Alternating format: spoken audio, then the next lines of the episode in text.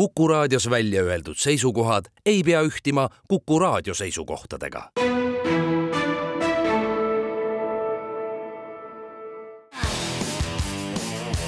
spordireporter.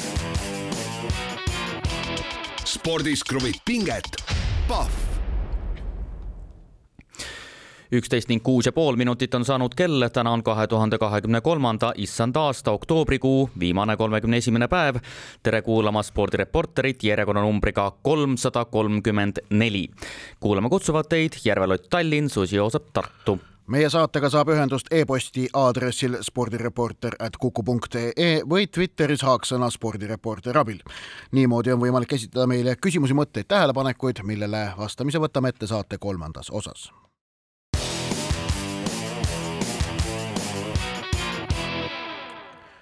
alustame aga spordireporteri saadet nagu ikka kiirete ja aktuaalsete teemadega ning teemaks number üks on autoralli, sellepärast et möödunud nädalavahetusel selgus ametlikult tänavune autoralli maailmameister, kui selle aasta MM-sarja kaheteistkümnendal ehk eelviimasel etapil eh, Tšehhi, Austria ja Saksamaa teedel sõidetud eh, Kesk-Euroopa rallil saavutas eh, Kalle Roompera teise koha, millest piisas MM-tiitli kindlustamiseks. ralli võitis Thierry Neuville Hill. Eh, kolmanda koha saavutas Ott Tänak, aga Rovanpera MM-tiitel sai siis kindlaks läbi Elvin Evansi, noh, ta ametlikult ta lõpuks ei katkestanud, aga noh, ta, tema sõitis küüni ja, ja võistlus jäi sinna sõitis küüni. Ehm, ja, aga ma tuletaksin natukene statistikat meelde, et mida on siis Kalle Rovandpera viimastel aastatel teinud, et ta võitis ehm, ehm, ülemöödunud aastal esimese maailmameistrivõistluste etapi Eestimaa pinnal ja sellest alates on ta siis sõitnud kolmkümmend üks rallit, võitnud natukene rohkem kui iga kolmanda, üksteist rallit, seitseteist korda esikolmikus, aga mis vahest kõige nii-öelda silmapaistvam selline fakt on see, et kolmekümne ühest rallist vaid vaid eh, kuus korda on ta viie seast väljas ja kui vaatame tänavust aastat, siis vaid eh, korra Soomas katkestamine, nii et eh, võib vist kokkuvõtteks öelda, et sõidab nagu vanamees või tõesti, et kui vaja, siis vajutab, kui ei ole vaja, nagu ka nägime pärast Evansi, ta sai kiiruskatse alguses teada, mis Evansiga juhtus ja otsustas hoo maha võtta, loobuda etapivõidust, aga kindlustada endale maailmameistritiitel ja, ja tuletaks veel meelde loomulikult, et, et Kalle Rovandpera on kahekümne kolme aastane, kahekümne kolme aastane ja no enne Rovandpera, kui Rovandpera eelmisel aastal võitis viiekümne punktiga äh, sarja Ott Tänaku ees, Tänak oli teine, siis äh, enne seda oli ju noorim maailmameister üldse Colin McRae, kakskümmend seitse aastat, seni noorim kakskümmend seitse aastat. kahekümne kolmasena võidab ta teise MM-tiitli ja on pea suurim favoriit kindlasti ka eh, järgmisel hooajal. ehk siis ainult kuus sõitjat, ainult kuus sõitjat on üldse varasemalt eh, tulnud maailmameistriks ju nooremana kui kolmkümmend eluaastat. nii et eh, see on täiesti um, uus fenomenaalne register no see, sa ütled, et ainult kuus tükki varem on tulnud, noh, see, nüüd iseenesest mingi ju tohutult suur näitaja ei ole, sellepärast et autorallil kui ma ei eksi, kokku ongi olnud kakskümmend üks ja kakskümmend kaks maailmameistrit. nojah, aga, aga, aga see näitab ikkagi seda, kui, kui varasemalt kõige noorem kakskümmend seitse, et alustatakse tavaliselt äh, ju kolmekümneselt maailmameistritiitlite võitmist. nii et siin tundub, et põhiküsimus on see, et A, kas läheb igavaks ja B, kaua, kui Roandpera siin järjest hakkab võitma, et äh, kui kaua tal motivatsiooni veel on ehm, ja nii edasi. et, et no Roandpera see tulek on olnud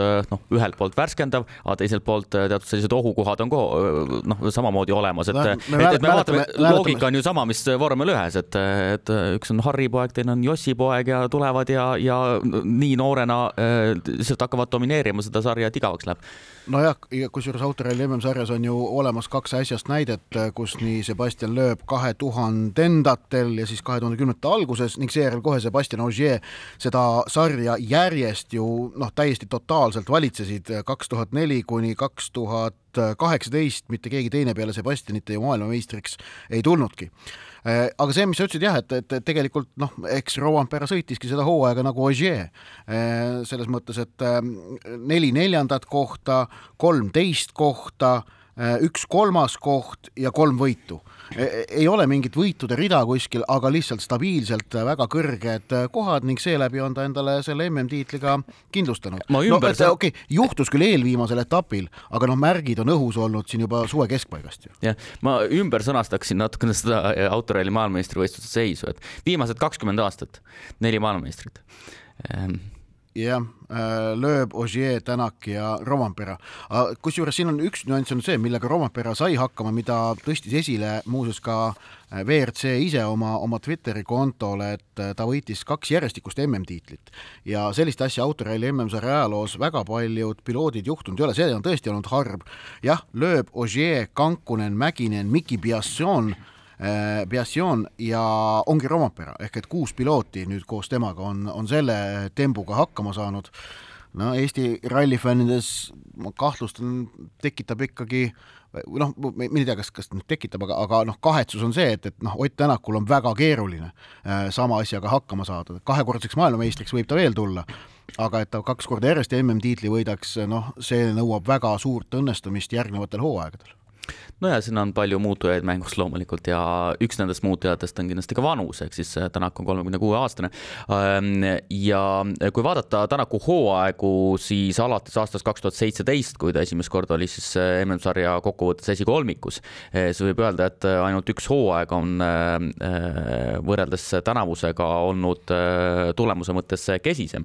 aasta kaks tuhat kakskümmend üks, et tänavusel aastal tegelikult võiks ju kokkuvõttes öelda, et arvestades, kui palju oli tehnilist ebaõnne, kui palju oli no ikkagi jamasid selle autoga no,, siis no see kõige, kõige klassikalisem jama või noh, kõige, kõige õudsem oli ikkagi see, mis Eesti rallil juhtus ei no see on hooaja alguses ikkagi, no ma ei, jah no,. ei no jaa, aga, aga noh, see, see, see, kuidas no kui üldse starti ei saanud jah, no see oli Rallist on, ei no ta sai starti teadmises, et mitte midagi, mitte millegi nimel sõita ei ole, sellepärast et et enne võistlust oli tulnud mootor välja vahetada, nojah, aga autoralli ei, ei, ei ma tahtsin, kas ma võin nagu selle ja, lause ja. lõpetada, et ma ütlen, et tegelikult, tegelikult ikkagi äh, Tänak näitas klassi tänavusel aastal äh,. selles mõttes, et ta võttis võttis kaks etapivõitu, oli äh, korra teine, korra korra on praegu olnud kolmas. võib, võib veel, võib veel kolmanda ka võtta. jah, üks ralli on veel, Jaapani ralli. et eh, no vaadates, kui palju eh, ebaõnne oli, siis no selles mõttes, et eh, ikka noh, ikka pressis sealt välja midagi, et see oli juba tegelikult korralik saavutus minu arvates ja ei, sellega kindlasti nõus, et Tänakul noh, tähendab, vaevalt ta saab ise selle hooajaga rahul olla, sest et ta sihid olid kõrgemad, aga asjaolusid arvestades siis noh, sportlik sooritus Tänakult on tegelikult olnud väga kõrges klassis sel hooajal, selle vastu ei ole üldse võimalik vaielda. autoralli MM-sarja on siis üks etapp alles, Jaapani ralli sõidetakse äh, siin nüüd siis novembri keskel, kuueteistkümnendast üheksateistkümnenda novembrini tabelis on lahtine, noh, nii, nii hõbe kui pronks on lahtised. Äh, Neuville võib mööduda Evansist ja tõusta hõbedale, Tänakul on sellised noh, pisikesed šansid mööduda Neuvillist, kaotus kakskümmend kaks punkti, mis võimaldaks tõusta pronksile, aga noh, see, see nõuaks seda, et Neuvill peab ebaõnnestuma Jaapanis täielikult ja Tänak peab ralli võitma no ei, variant on ka teine koht ja punktikatse võit ja niimoodi mööda minna. aga, aga selles mõttes on Jaapani ralli tore, et me näeme seda tõsist sportlikku rallit, ega mis siin mängus on, ega punktitabelit keegi enam nagunii ei vaata.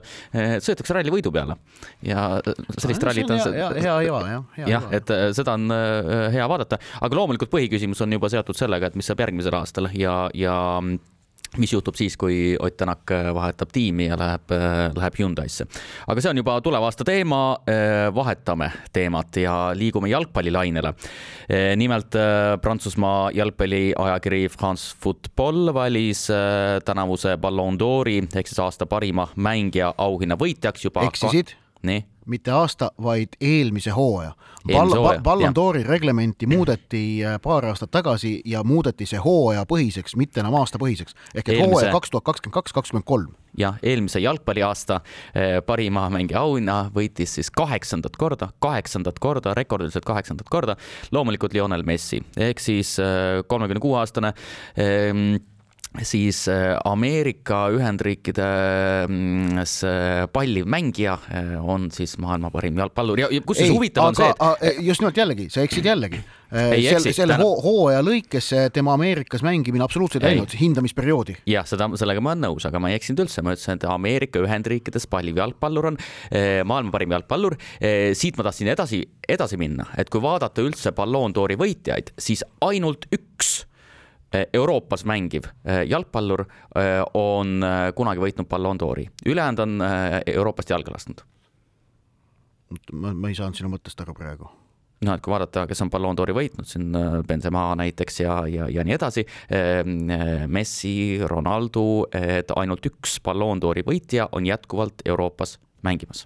no Luka Modric. jah sa mõtled viimase aja võitjatest siis? ei, ei no selles mõttes ülejäänud ei mängi lihtsalt. ja, ja need, nendest, kellel karjäär veel jätkub ja noh, neid ja. ongi, neid Ballon d'Ori mängijaid, kelle karjäär endiselt jätkub, ongi ainult neli. Messi, Ronaldo, Benzema ja Modric, rohkem neid ei ole. Äh, aga, aga tähendab noh, Messi võit muidugi tekitas omajagu poleemikat, sellepärast et eelmise jalgpallihooaja noh, säravaim võistkond igasuguse kahtluseta oli Manchester City, kes võitis Inglismaa meistritiitli, Inglismaa karika ja meistrite liiga. ikkagi väga äh, haruldane kolmiktriumf ja nende liidermängija Erling Haaland äh, pidi leppima sellel hääletusel teise kohaga. mina isiklikult arvan, et otsus oli õige ja mulle väga meeldib, et see otsus oli selline, nagu ta oli ma ei ole olnud kunagi suur Lionel Messi apologeet, ausalt öelda, aga ma leian, et see, mida ta saavutas Argentiina koondisega maailmameistrivõistlustel, see pingeolukord, millega ta seal toime tuli, tassides Argentiina meeskonna, selle võistkonna liidri ja selle võistkonna edu eest vastutajana maailmameistriks, see oli erakordne saavutus, mis minu meelest seda Ballon d'Ori äh, väärib. Manchester City äh, kvaliteet peegeldub ennekõike siiski võistkondlikkuses, Ballon d'Or on individuaalne auhind, see on, kas, kas see peaks üldse jalgpallis olema, see on omaette teema, aga ta on. Ja Lionel Messi oli individuaalselt eelmise hooaja selles mõttes kõige kaalukama saavutuse autor. Äh, mul on väga hea meel, et ta selle auhinna võitis, minu meelest see oli õige otsus jaa, aga siin mängivad rolli äh, nagu muud küsimused ka, et, et tõesti võime öelda, et Ballon d'Ori otsustas siis võib-olla üks penalti on ju seal maailmameistrivõistluste poolfinaalis või midagi sellist teha, et, et see, see on jah, teine asi. miks poolfinaalis?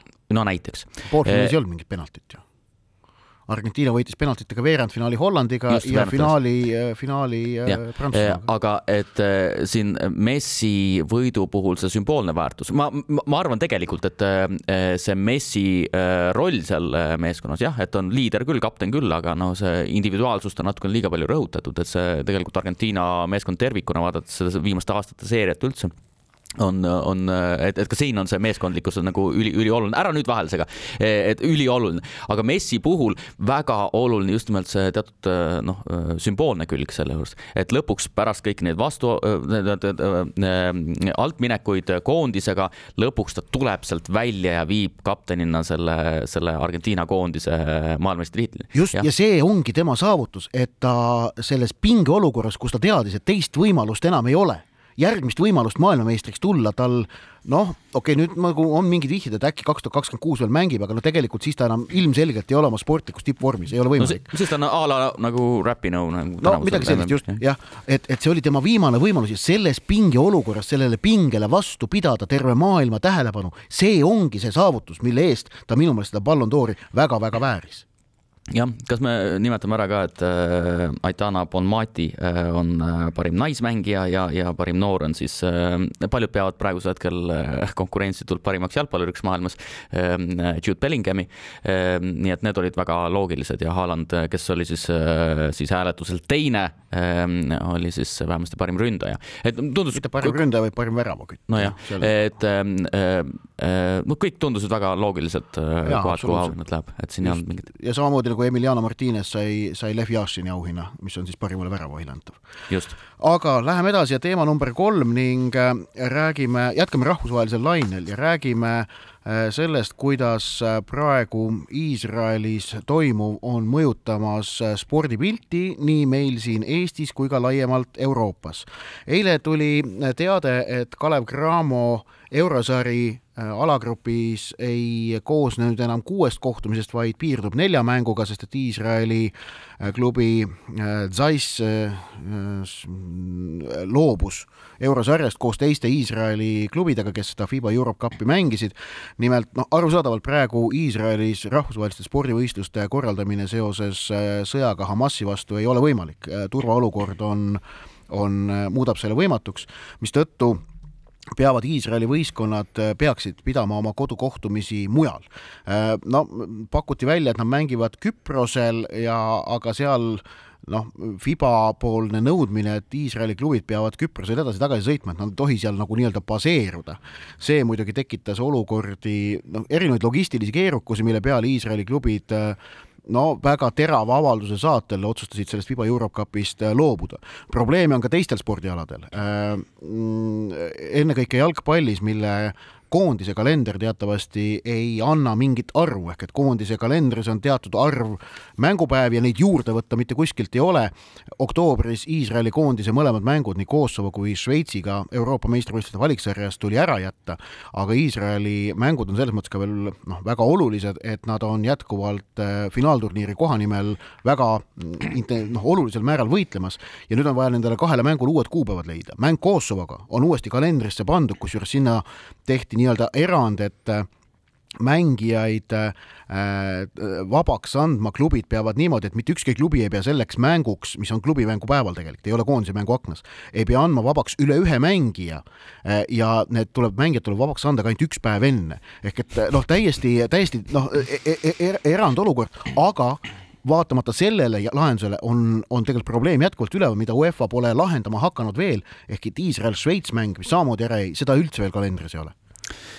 ja no sa räägid sportlikust äh, tasandist jah, et äh, siin võib ju ja rääkida. ma toon lihtsalt näiteid, kuidas ja. see on äh, noh, jah, mida, kuidas see sporti mõjutab jah. jah, aga noh, laias laastus see, et paar euroliiga mängu jääb ära. see on muidugi täiesti tähtsusetu. ja suhteliselt tähtsusetu, et mul tuleks meelde jah, et sport on selline noh, noh väga robustselt väljendudes siis ikkagi selline heaoluühiskonna osa võimalus. jah, et sport on see, tippsport on see, mis on sündinud üldse sport siis, kui inimestel on tekkinud vaba aega. et sõjasituatsioonis on sport, tipp, tippsport vähemasti no täiesti teisejärguline külg, aga, aga. aga suvi..., aga ometi ka Ukrainas äh, toimuv ju tõestab, et äh, sellest tippspordist ei taha taheta loobuda ka olukorras, kui su kodumaa on rünnaku all. Ta, ta ja... tippsport on selles mõttes, ta on, ta on, ta on küll meelelahutus või selline tähtsusetu asi, aga ta on samas ta jällegi tuleb välja, ta on tähtis, sellest ei taheta loobuda. jah, et äh, see õigus sporti teha on kindlasti oluliselt väiksem kui õigus, tähtsusetum kui õigus elada, aga kindlasti sellised riigid äh, soovivad äh, loomulikult, et tippspordi karussellis, eriti sellistel suurematel aladel, näiteks nagu korvpall või jalgpall ja kindlasti ka tennis näiteks, et seal oleks riik esindatud ja see on loomulikult sellise sümboolse väärtusega, see on kindlasti nii, nii riigisiseselt oluline, aga ka, ka välise kuvandi mõttes. aga, minu arust selle ähm, konflikti, sõjasituatsiooni äh, puhul on huvitav äh, ikkagi see, mismoodi on eri, no näiteks jalgpalliriigid, äh, alaliidud reageerinud. näiteks Inglismaa jalgpalliliit otsustas siis näiteks mälestada konfliktis hukkunuid, jah, konfliktis hukkunuid, eh, millega nii-öelda siis üritati ka lepitada eh, kahte vastaspoolt, sest me teame, mis tribüünidel on toimunud eh, eri riikides. me teame ka seda, missugused reaktsioonid on näiteks, ma ei tea, Saksamaa või Bundesliga's olnud Mainzi klubi mängija näiteks kohe toetusavaldus Palestiinale, kohe tähendab, et eemaldati võistkonnast. ühesõnaga, et see noh, et mida lubatakse, mida ei lubata, on praegu ikkagi väga-väga nagu selline kriitiline teema, sest me eriti, kui me vaatame näiteks Kesk-Euroopa või Lääne-Euroopa riike, ehm, kus äh, see Palestiina meelsus on äh, no väga-väga levinud ehm, näiteks Inglismaa-Austraalia kohtumises ju lihtsalt päris selgelt keelustati kõik lipud, välja arvatud äh, Inglismaa-Austraalia lipud, nii et jah, et see ehm, no keerulises seisus on ala, alaliidud, jah. ja kokkuvõttes üldse mm, tippsport olukorras, kus maailmas konflikte on praegu noh, kahjuks tuleb tõde, vist, vist on juurde tekkimas, siis see muudab äh, sellise globaalse tippspordi liikumise, elus hoidmise või, või käimas hoidmise oluliselt keerulisemaks, sellepärast et äh, üha enam on erinevaid osapooli, kes tõmbavad mingeid punaseid jooni ja, ja no näiteks ka meie siin ju väga selgelt Venemaa suhtes noh, mitte mingisugust tolerantsi ei ole ja see on täiesti õige, see on moraalselt õige, see on, see on täiesti mõistetav ja ilmselt äh, ma arvan, et see lõpuks säärased asjaolud jätavad oma jälje ka sellele jah, nimelt globaalsele spordiliikumisele ehk et sellist äh, kuidas öelda, ülemaailmset võrgustikku ilmselt see veidike nõgvendab kõik, mis praegu toimumas on. nojah, ja vaadates, et kui täis topitud on kõik need äh, tippspordi kalendrid, ehk siis see on selline väga jäik reeglipärane selline sündmus sündmuse otsa selline jada ja, ja tõesti, see saab ju tegelikult äh, noh, normaalselt äh, nagu masinana toimida ainult väga noh, sellistes noh, rahulikes oludes ja nii edasi, et igasugune eksitus võib, võib sellega kalendri pea peale pöörata, aga, aga no jällegi, see on teisejärguline küsimus üldse. Läheme aga edasi ja äh, naaseme jalgpallilainele, nimelt äh, jah, võiks öelda, et mõne tunni eest sisuliselt sai selgeks, et aastal kaks tuhat kolmkümmend neli võõrustab jalgpalli maailmameistrivõistluste finaalturniiri Saudi Araabia ja äh, kuidasmoodi see selgeks sai, äh, noh, Austraalia suunalt, Austraalia, kes ka kandideeris, suunalt oli äh, noh, Fifale etteheiteid ju laekunud noh, viimastel kuudel päris, päris palju seoses sellega, et FIFA on kõigiti jätnud mulje, et tegelikult kaks tuhat kolmkümmend neli soovitakse MM-finaalturniiri näha Saudi Araabias, kas tähtaja pikendamine ja, ja kõik nii edasi, nii et praegusel hetkel no sisuliselt on selge, et kaks tuhat kolmkümmend neli MM-finaalturniir toimib, toimub äh, Saudi Araabias. jah, FIFA seadis asjad niimoodi, äh, Infantino, et MM-ile, tolle aasta MM-ile said kandideerida ainult Aasia ja Okeaania riigid ning seal kandidaate potentsiaalseid oli vähe, Saudi Araabia muidugi tahtis, Austraalia oli ainukene reaalne rivaal aga FIFA seadis ka selle kandideerimistähtaja ebamõistlikult väikese, umbes kaks, kahekümne viie päevaga tuli otsus teha, Austraalia ütles, et noh, sorry, et ei, ei ole praegu võimalik mingeid sääraseid garantiisid anda, pluss ilmselt nad hindasid ka korrektselt, et võiduvõimalused on kasinad ja selle asemel proovivad võita mingit muud asja, paistab, et nad soovivad kahe tuhande kahekümne üheksanda aasta klubide maailmameistrivõistlusi sinna viia. nii, aga teeme nüüd pausi ja spordireporter tuleb tagasi ning räägib siis, missugused farsid ja jamad Eesti jalgpalli kõrgliigas juhtuvad spordireporter. spordis kruvib pinget, Pahv spordireporter äh, jätkab ning räägib kodustest jalgpalli meistrivõistlustest, kus intriig on tõusmas haripunkti, sellepärast et äh, võib-olla selgub Eesti meister juba sel pühapäeval ja kui sel pühapäeval ei selgu, siis järgmisel laupäeval selgub kohe täiesti kindlasti. möödunud nädalavahetusel toimusid kaks väga olulist kohtumist äh, Tallinnas Sportland Arenal. A Le Coqil mängida ei saanud, sellepärast et värske lumi sadas niivõrd vesisena maha, et, et seal seda väljakut tuli hoida koondise mängudeks esmalt äh, Tallinna FC Flora alistas kaotusseisust Paide linnameeskonna kaks-üks, kusjuures Konstantin Vassiljev, kes siis eelmistes koondise mängudes pälvis põhjendatult väga palju kriitikat, tegi täiesti fenomenaalse esituse ning oli peaarhitekt selles, et Flora tolle mängu võitis ja siis paar tundi hiljem samal väljakul FC Levadia kaotas nii üks-null kui ka kaks-üks eduseisudest Nõmme Kaljule kolm-neli, mis tähendab, et kolm vooru enne Premium-liiga lõppu on Flora edu Levadia ees kolm punkti ja see tähendab siis silmas pidades meeskondade pühapäevast omavahelist mängu, et kui seni oli olukord säärane, et Flora vajas tollest pühapäevasest Tallinna derbist noh, üheksakümne protsendilise tõenäosusega võitu, et meistriks tulla, siis nüüd ilmselt äh, äh, no on arvestatav tõenäosus, et neile piisab ka viigist, nad ei pea enam Levadiat pühapäeval võitma. siin muidugi sõltub ka natukene teistest mängudest, aga kuna Flora edu on nüüd Levadias kolm punkti, mitte nad ei ole võrdsetel punktidel, siis on Flora seis selgelt oluliselt parem kui Levadial see on siis see, mis toimub sportlik intriig, aga palju rohkem tähelepanu tegelikult kui need mängud laupäeval, mis olid väga vaimustavad mängud, pälvis reedene intsident Tartus, kus kohtunikud otsustasid mängu viieks minutiks seisma panna põhjusel, et neile ei meeldinud see, mida tribüünilt ühele abikohtunikule öeldi. no see on, ma tuleksin. see on farss, see on farss, see on farss ja vabandust, et ei, ma olen sellega nõus, kohe hakkame sellest rääkima, äh, aga kas võin korraks tulla sportliku poole peale? et me võime Vassiljevi kohta öelda mida, äh, mida tahes äh, viimaste koondiste, koondise mängude lõikes, aga no see, kuidas Vassiljev on tänavusel aastal jälle vedanud Florat nii väravatega, söötudega. neliteist väravat, neliteist väravasöötu. konkurentsi kõige rohkem, jah ja. ja.. tähendab, mitte väravaid kõige rohkem, väravalööjate edetabelis on, jagab ta liidri kohta, aga, aga kui panna need nii-öelda noh, mis öeldakse, resultatiivsuspunktid ja eh, kokku, siis ta on selge, selge liider eh, nii et äh, suur küsimus on, et mis saab järgmisel aastal, et leping lõpeb tänavusel aastal Vassiljevil, aga küllap jätkab. ilmselt jätkab, aga ma arvan, et ka eks, eks ka Flora arvestab, et, et noh, tema roll ei noh, et, et, et teda tuleb kasutada mõnevõrra teisiti. noh, ilmselt ei ole vaja arvata, et Vassiljev järgmine aasta teeks noh, mingi kolmkümmend, kolmkümmend mängu, pigem on see kahekümne kahe, kahekümne kolme mängu. ja, aga ma arvan, et põhiline erinevus tänavuse ja järgmise hooaja vahel, kui Vassiljev jätkab, on see, et kui palju tal algkoosseisu äh, kohtumisi tuleb. jah, et ilmselt ikkagi äh, on ta, on ta üha enam vahetusmängijana sekkuv, aga tema roll, funktsioon ikka väga suur. Läheme selle teise teema juurde. ja no see on väga-väga väga huvitav juhtum ja väga häiriv juhtum, väga häiriv juhtum.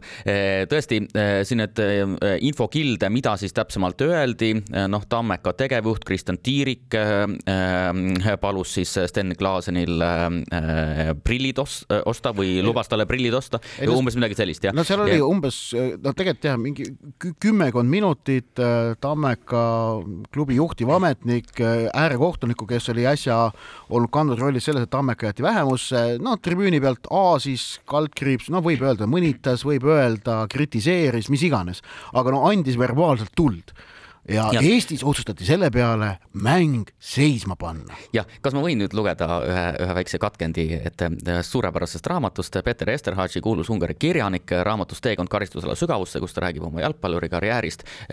tsiteerin. palun, jah Eh, ütlen oma jalgpalli analfabeedist sõbrale, et loomulikult tuleb tribüünilt kostvaid lauseid hinnata rangelt, ent samas tuleb arvestada ka geeniuslookit. mida ma selle all silmas pean? näiteks, et kui mulle ründajana kunagi karjuti, et sõidan sulle pasunasse, kuradi juudi ema värgens raisk, ei sisaldanud see lause mitte mingit väidet ei minu ema ega ka raske saatusega juudi rahva kohta. lause ei teinud nimetatud sportlast küll rõõmsaks, aga see tähendas ainult oo õilsa silmnäoga noorsand, küll on kahju, et sa ei tugevda hoopis meie väikest kollektiivi. tsitaadi lõpp äh,. Äh, väga kuulus kirjanik väga, väga, väga hea äh, repliik, mis tõepoolest kirjeldab seda äh, keskkonda ja õhkkonda, mis jalgpallikohtumisel valitseb, see ei ole, see ei ole mm, pühapäevakool jah, et eh, ühesõnaga see, miks on jalgpall väga populaarne, ongi see, esiteks, mis, mis leiab aset tribüünidel, seal tegelikult ju laetakse, noh, laetakse eh, noh, see eh, nii-öelda kõik need tekkinud pinged kuidagi sinna, sinna situatsiooni.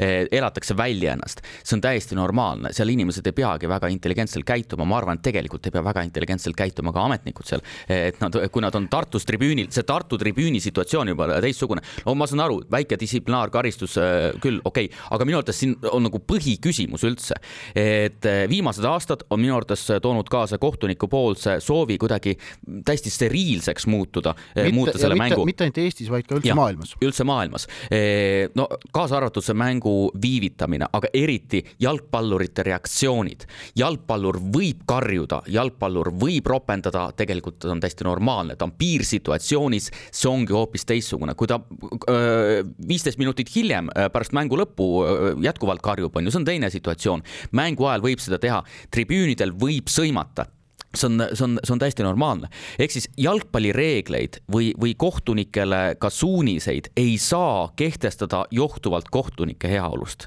see ei ole võimalik, nii ei saa teha. kohtunikud Kes... on teenindav personal e.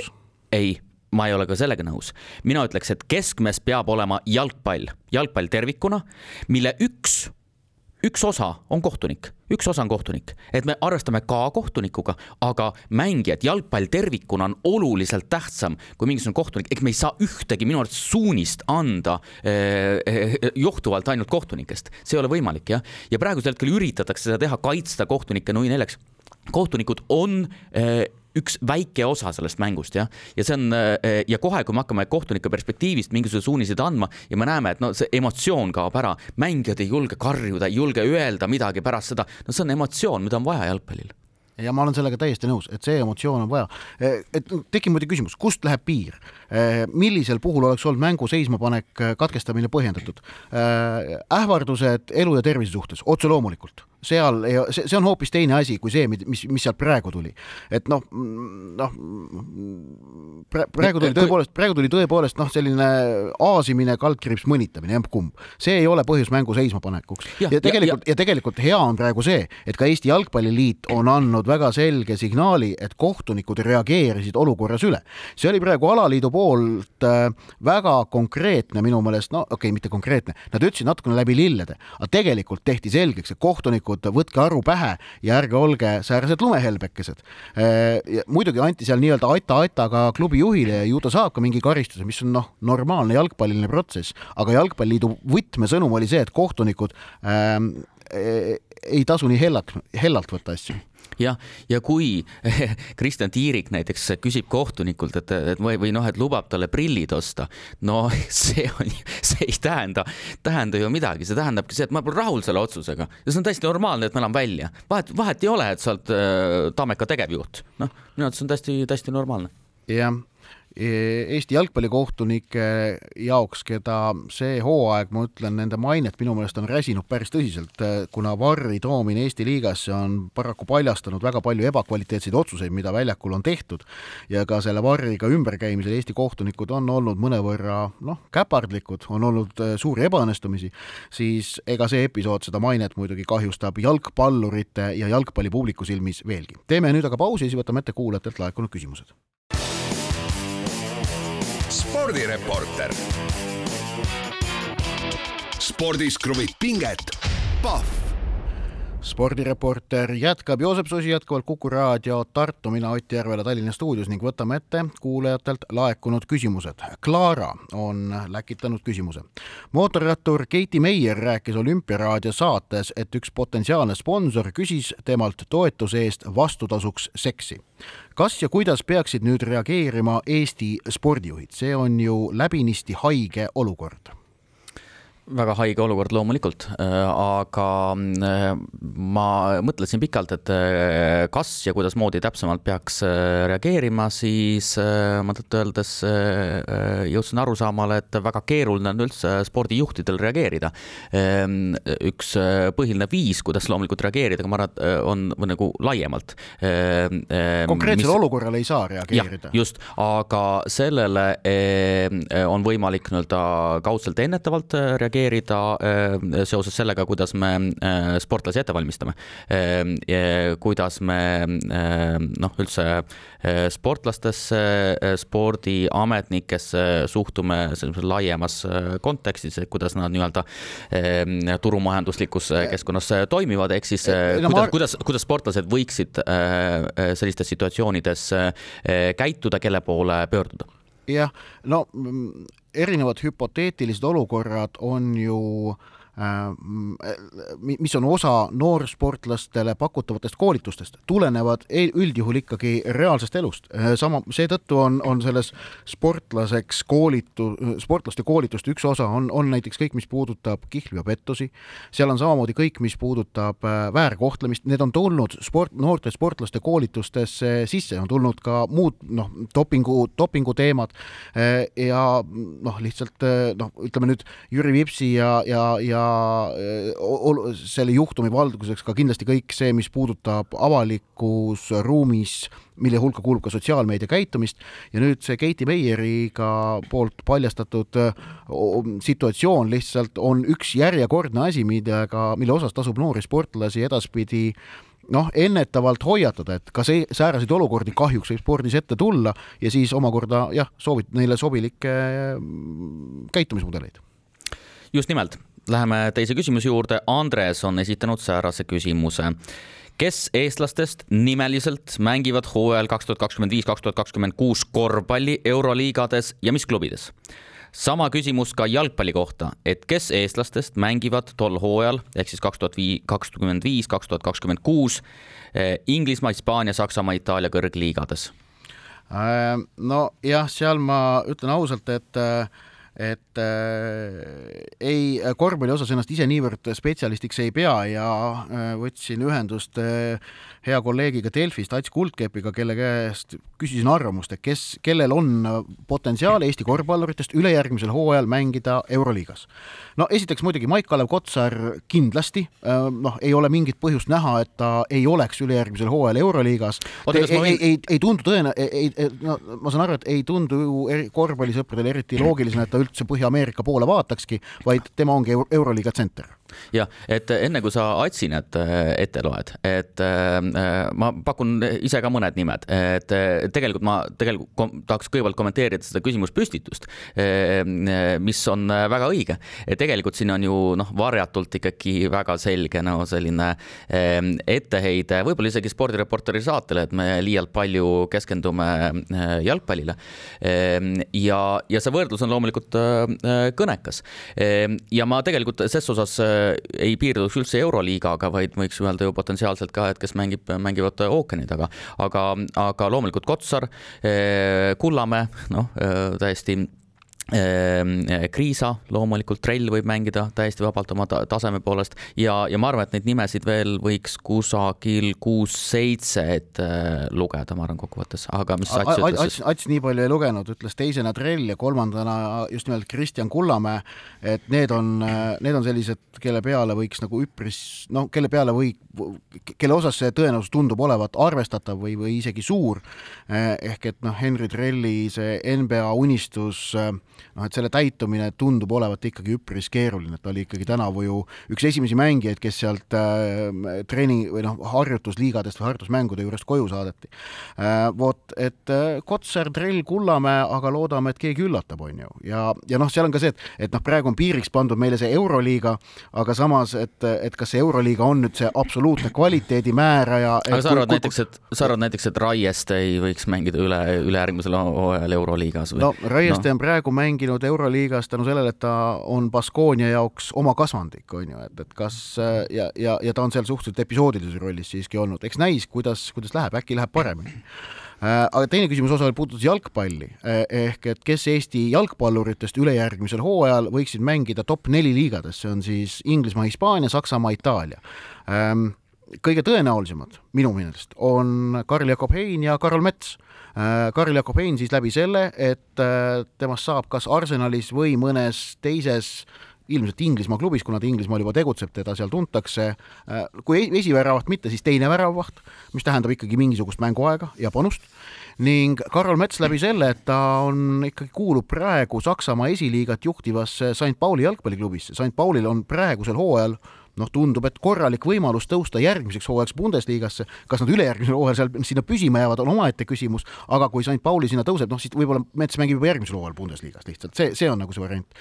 noortest rääkides, eh, no Martin Vetkal äkki, Andreas Vaher, nemad mängivad praegu siis vastavalt Rooma ja Freiburgi nooremates meeskondades või noh, Vaher mängib Freiburg teises nojah, kui sa vaatad ületuleval aastal, et äh, kes nagu taseme poolest, siis mina nimetaksin ikkagi Baskotši, et. Äh, ta Baskotši... läks praegu Šveitsi, ta sealt nii kiiresti ei liigu edasi. ülejärgmisel aastal. no täiesti, täiesti vabalt võib, äh, võib, võib, võib, võib üle minna, aga ma mõtlen ju puhtalt nagu taseme osas ka. aga no selge see, et, et no korvpallurite seis rahvusvahelises korvpallis on oluliselt olulisem ja, ja suurem kui, kui jalgpalli vaadates nii, kas läheme edasi küsimustega? meil ei ole väga tegelikult aega, meil üks küsimus jääb varusse, me saate lõpus saaksime nüüd neljanda osa ka ära rääkida, nii et teeme praegu väikese pausi ja siis neljas osa. spordireporter. spordis kruvib pinget, Pahv spordireporteri saate lõpuosas on võimalik äh, meil Otiga sukelduda meie, võiks isegi öelda, lemmiksfääri ehk siis metatasandile. ja ülehomme möödub nimelt kaheksakümmend aastat Eesti kõigi aegade ilmselt kuulsaima spordireporteri Toomas Uba sünnist ja Juhan Kilumetsa juhtimisel valmis Eesti Televisioonis äh, ka nõndanimetatud meenutussaade Toomas Uba fenomen.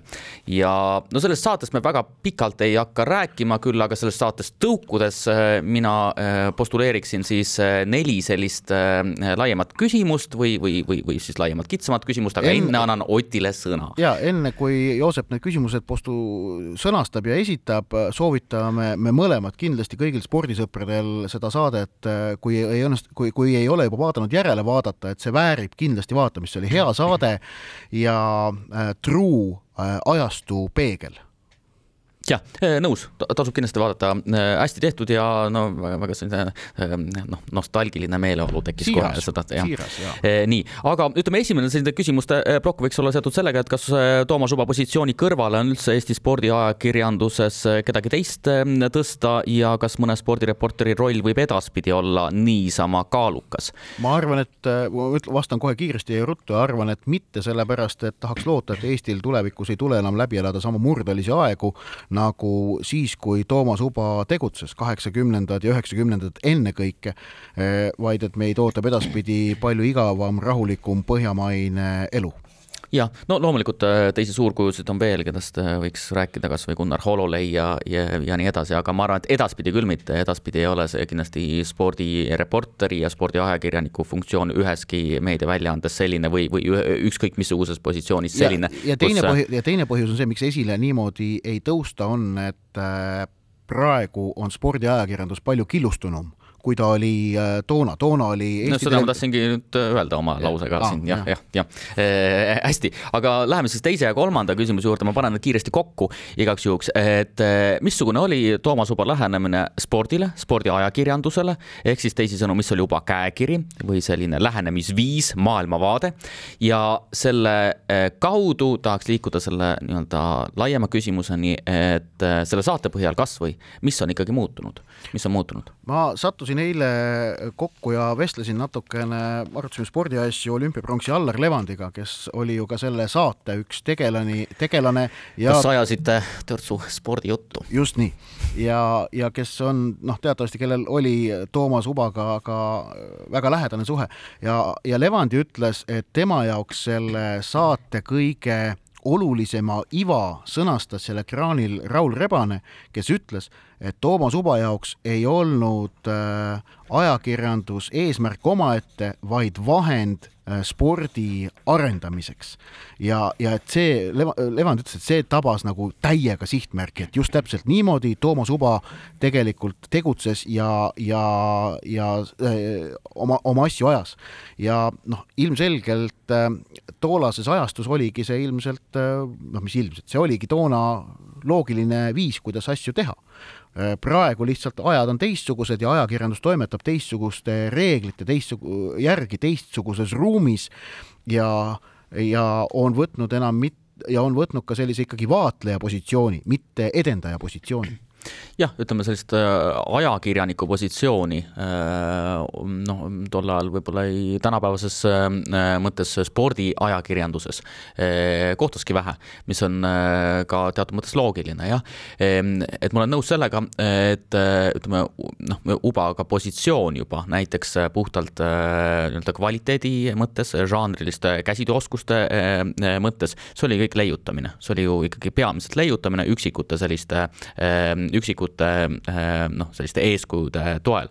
aga no praegusel hetkel on võimalik tegelikult ju näiteks spordireporteriks eh, tuled, sul on tegelikult õpikud on olemas, käsitööoskust on võimalik eh, teoreetiliselt kujundada, sul on eeskujusid, ma ei tea, ligipääs kõikidele maailma tippreporteritele, kõikidele aga, lähenemistele ja nii edasi. aga kas sul on aega neid eritleda, see on teine asi. just, ja, ja see ka, mida Uba tolles saates ütles, et, et head spordiajakirjanikku iseloomustab see, et ta ei lase lünka sisse, vaid on järje pidevalt asjadega kursis.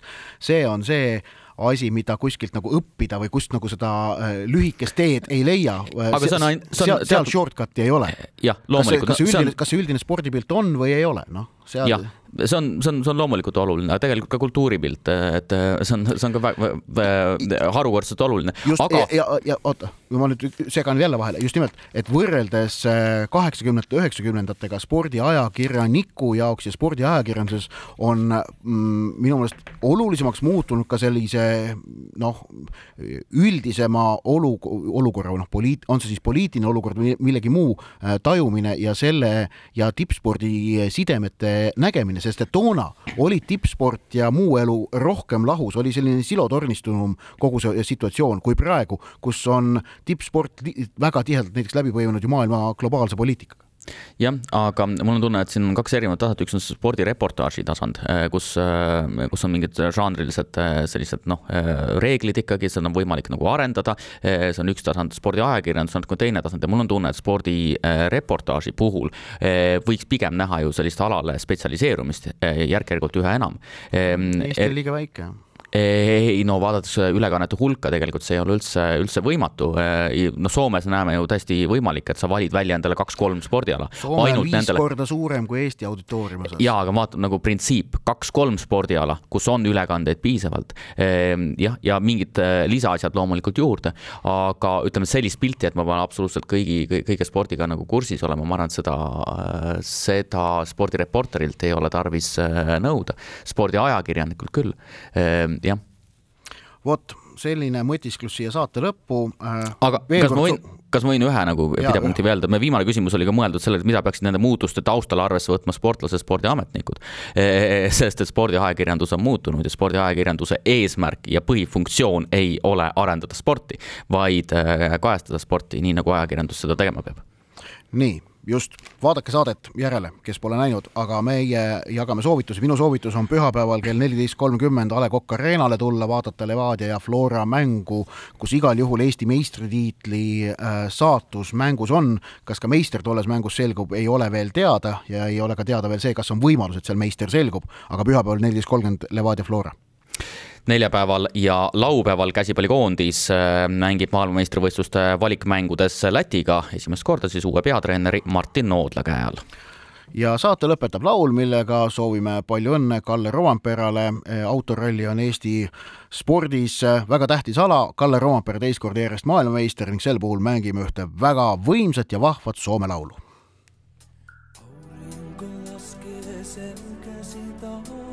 See värjää sun tiuksesi punaisellaan ja eput laulaa älä mene niin, niin, mene tai et silti sydämeni vie. On silmissä sandaluusia nyt ja pimeässä pääni sun innoilles myönen. Uskalla edes äänen hengittää ja tuoksusi vie tajuntani pimeään. Na, na, na, na.